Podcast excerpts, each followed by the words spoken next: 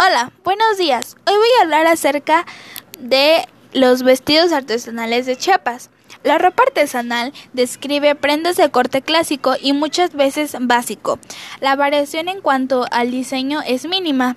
Esto con la finalidad de no manipular las formas de las prendas de manera que los consumidores sigan identificándolas como símbolos culturales.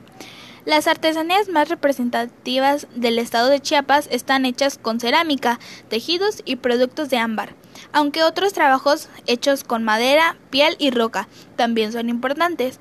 El estado de Chiapas denomina la producción de cerámica y tejido. El trabajo hecho a mano se ha vuelto importante económicamente y socialmente en el estado, especialmente desde 1980, con el asesinato del mercado turístico artesanías y otras organizaciones.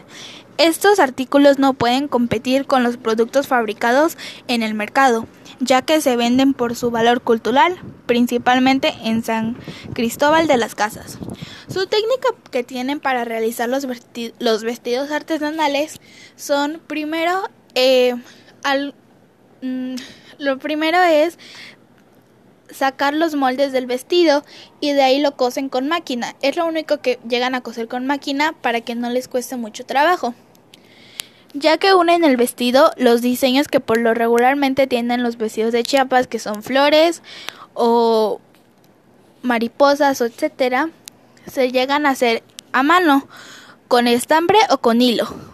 Por lo regular en elaborar este procedimiento se tardan entre seis meses o un día para elaborar un solo vestido, ya que requiere mucho, y por lo regular por su tiempo y por su fabricación son caros.